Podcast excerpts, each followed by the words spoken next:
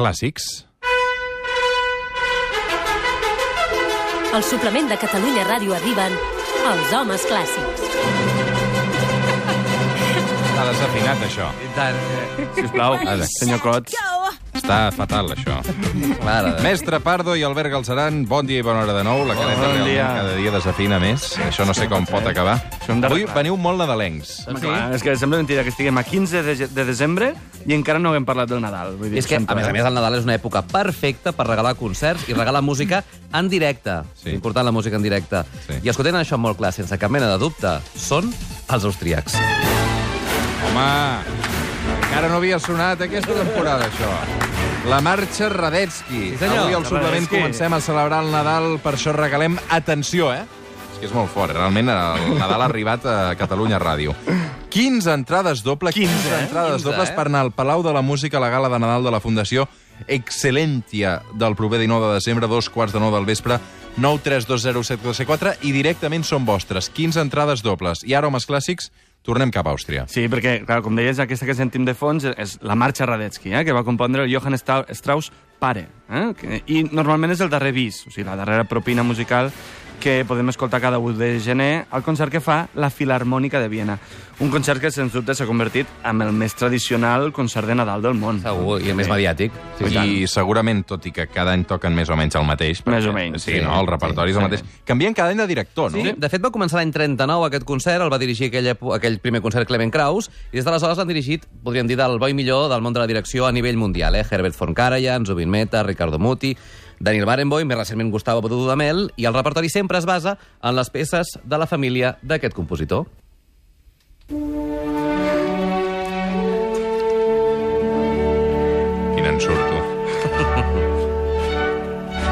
Què? Balles, Roser? El mateix compositor de la marxa Radetzky? No, bueno, A veure. de la Radetzky no. De la Radetzky abans he dit que és Johann Strauss pare. Eh? Ah. Per què? Per què? Perquè és el pare del compositor del famós Danubi Blau, que és això que escoltem ara, eh? Mm. que és Johann Strauss, fill. Fill, exacte. és molt fàcil diferenciar. Exacte. Però el de Viena, escolta'm, no és l'únic concert tradicional de Nadal eh, que es fa a Europa, perquè cada dia 1 de gener, a Berlín, sona això.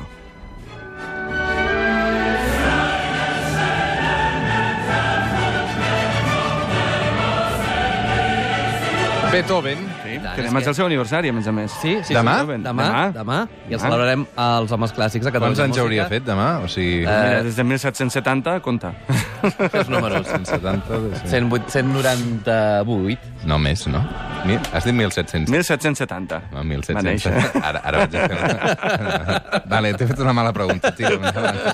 En tot cas, demà tindrem a la, a, bueno, molts convidats, Gemma Nierga, Carlos Álvarez i molts d'altres a- al programa, l'Albert Guinovar, el mestre Pons, etc etc. En tot cas, va, tornem al concert. 248. 240. 240. Jo tinc clar que el 20 hi ha una xifra rodona, que és el 250. En tot cas, les matemàtiques no és el nostre fort, però que sí sabem és que si els austríacs promocionen la música de Strauss, de Viena, esclar, els alemanys promocionen el gran Beethoven, nascut a Bonn, que, i que passa a Viena, a Berlín, és la seva filarmònica la que protagonitza aquest concert, i és habitual que interpretin la sinfonia més famosa de Beethoven, aquesta que sentim de fons, que és, òbviament, la novena, la coral. Exacte, però aquí a casa nostra orquestres com, per exemple, la Sinfònica del Vallès tenen una llarga tradició en aquests concerts de, clàssics de Nadal entre cometes, a la vienesa. Eh? Fan allò, els valsos i danses de Strauss. Eh? Mm, I també són molt tradicionals els concerts aquests, es fan a, a molts auditoris de Catalunya. Eh? Però escolteu, si hi ha un concert tradicional de Nadal català-català, Oh, com no, és el concert de Sant Esteve.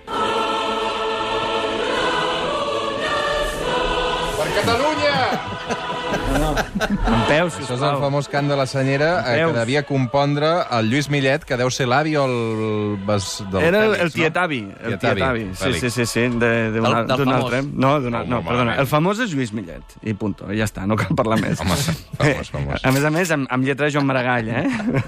Sí, entre els cantaires, sí, perquè a més a més, fixeu-vos que és l'himne dels orfeons de Catalunya. Eh? Um, fixa't, a Viena acaben amb la marxa Radetzky, una Mm. mica així, xararan, xararan, i aquí acabem amb el cant de la senyera. Eh? En el fons, Com dos molt català- himnes molt català. que identifiquen cada país. Eh? Va ser el concert de Sant Esteve d'enguany, serà molt especial, eh? Retransmarà en directe per Catalunya Ràdio, Catalunya Música i TV3, a càrrec de Un l'Àlex desplegament aquí... A... Àlex Robles presentant-lo, el director de Catalunya Música, i servirà per celebrar el 200 aniversari d'aquesta Nadala.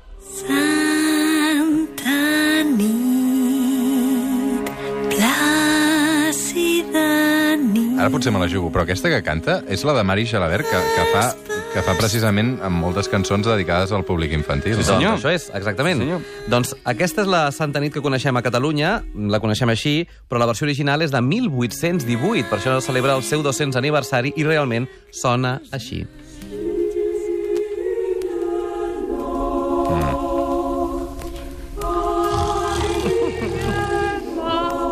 aquí una veu meravellosa que... Espera, espera, no revelis, no, no, no revelis. En tot cas, aquesta Nadal es va presentar el 24 de desembre de 1818 a l'església de Sant Nicolàs, a Àustria, i és obra de Franz eh, Sch- Schaber Guber i Joseph Moore. Així se sap exactament el dia i l'hora de la seva estrena. Des d'aleshores s'ha traduït a més de 140 idiomes Imagina't. i és Patrimoni Cultural Immaterial de la Humanitat per la UNESCO des de l'any 2011. El concert de Sant Esteve a Catalunya des de quan es fa? Doncs des de fa molts, eh? Tants com 105 anys. Eh? El primer va ser l'any 1913 i això vol dir que és un dels concerts més tradicionals de tota Europa. Fins i tot, clar, el d'any nou de Viena, que és més, més modern, entre cometes, perquè és de l'any 39, eh? 1939. Però sí, ara deixem que digui una cosa. Si hi ha un concert que encara a dia d'avui és tradició, agafat embranzida, potser no fa 105 anys que el fan, però cada cop, cada any, ho peten, eh, mestre Pardo, A veure, digues. és aquest.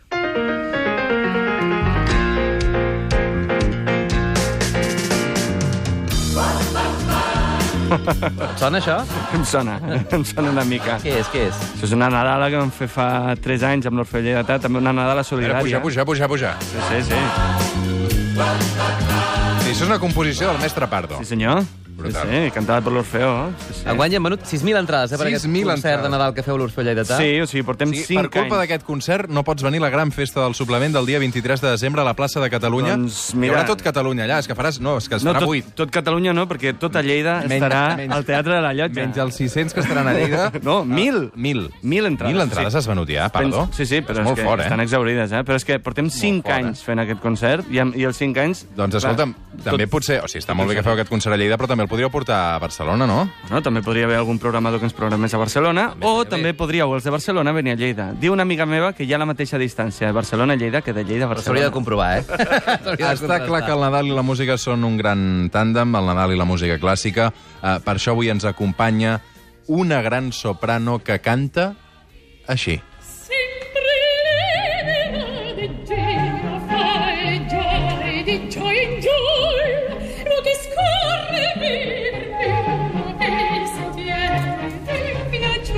Caterina Tretiakova, buenos días. Buenos días. Y bienvenida al suplement. Gracias. ¿Cómo estás? Gracias por invitar. Estoy muy bien, gracias. Moltes gràcies per venir. Estaves escoltant atentament el que explicaven el mestre Pardó i el Galzeran.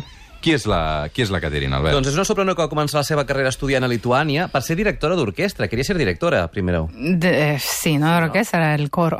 De coro. El coro. sí, sí. I va canviar la batuta pel cant. L'any 2013 va guanyar Sí. un, un important premi, el concurs Francesc Vinyes al Liceu, tal i com sentim de fons, i l'any passat va debutar precisament en, aquesta, op- en aquest teatre amb un baló i màscara de Verdi i Romeu i Julieta de Gunot, demostrant que és una gran intèrpret i de gran qualitat, és clar. Año 2013 ganas eh, este premio, el concurso Viñas. Eh, Supongo que es un cambio, ¿no? Esto en tu carrera o... Mm, no sé.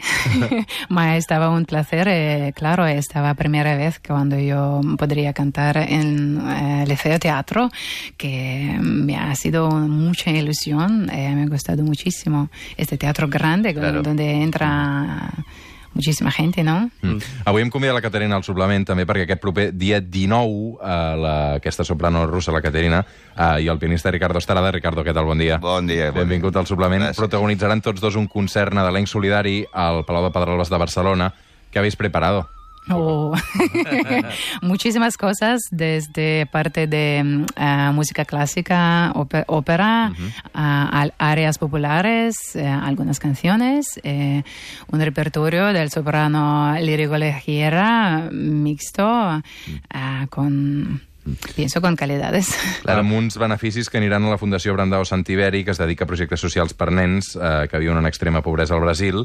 Eh, és per això que ara el que volem és que mm, escoltar-vos. O sigui, podem anar cap a l'escenari, si Clar voleu. que sí, molt bé. Anem cap a la... què, què ens interpretareu, Ricardo, Caterina? Doncs mira, farem una àrea que no crec que sigui molt coneguda del públic. Sí, sí. Ah. sí. Doncs va, Van Schoenberg. Endavant, endavant, endavant, endavant. Uh, us volem sentir. Um, sí, Caterina, si et vols aixecar i vols anar cap a l'escenari, um, Galceran, Es muy difícil para mí, ¿no? Por- por- después de hablar, es la Ahora- primera ahora se- vez que hago esto. Ara, ara l'hem enredat, l'hem enredat. Realment, Eh? Pensa que, que, clar, els cantants d'òpera han de- han d'escalfar la veu, han de tenir un cert eh, entrenament. Eh, No és el mateix parlar que cantar, eh? La veu s'ha de col·locar, diguéssim, i, i bé, és, és tot un repte. I a més a més no és un auditori, és un locutori aquest d'aquí, en tot cas l'escoltarem ara amb una peça de Puccini, Ah. o mio babbino caro, conegudíssima, del Janis Kiki, que és una àrea molt divertida perquè realment la, el personatge que interpreta, que és Laureta, li està dient al seu pare, o em deixes casar-me amb Rinuccio, o en lloc d'anar-me al Ponte Vecchio de Florència a comprar l'anell, el que faré és llançar-me al riu. Doncs la soprano russa Caterina Tretiakova i el pianista Ricardo Estrada en directe al suplement, 19 de desembre, també el podreu trobar al Palau de Paraules de Barcelona. Quan vulgueu.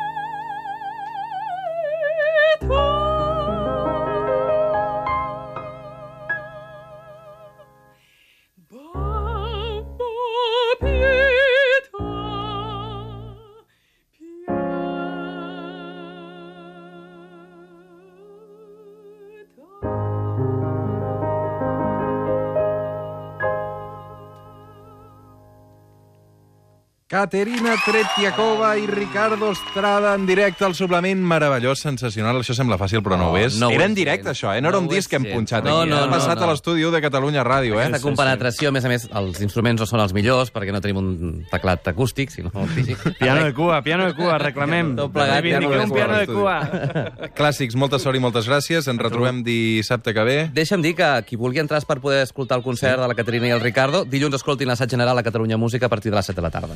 Gràcies a tots dos, molta sort.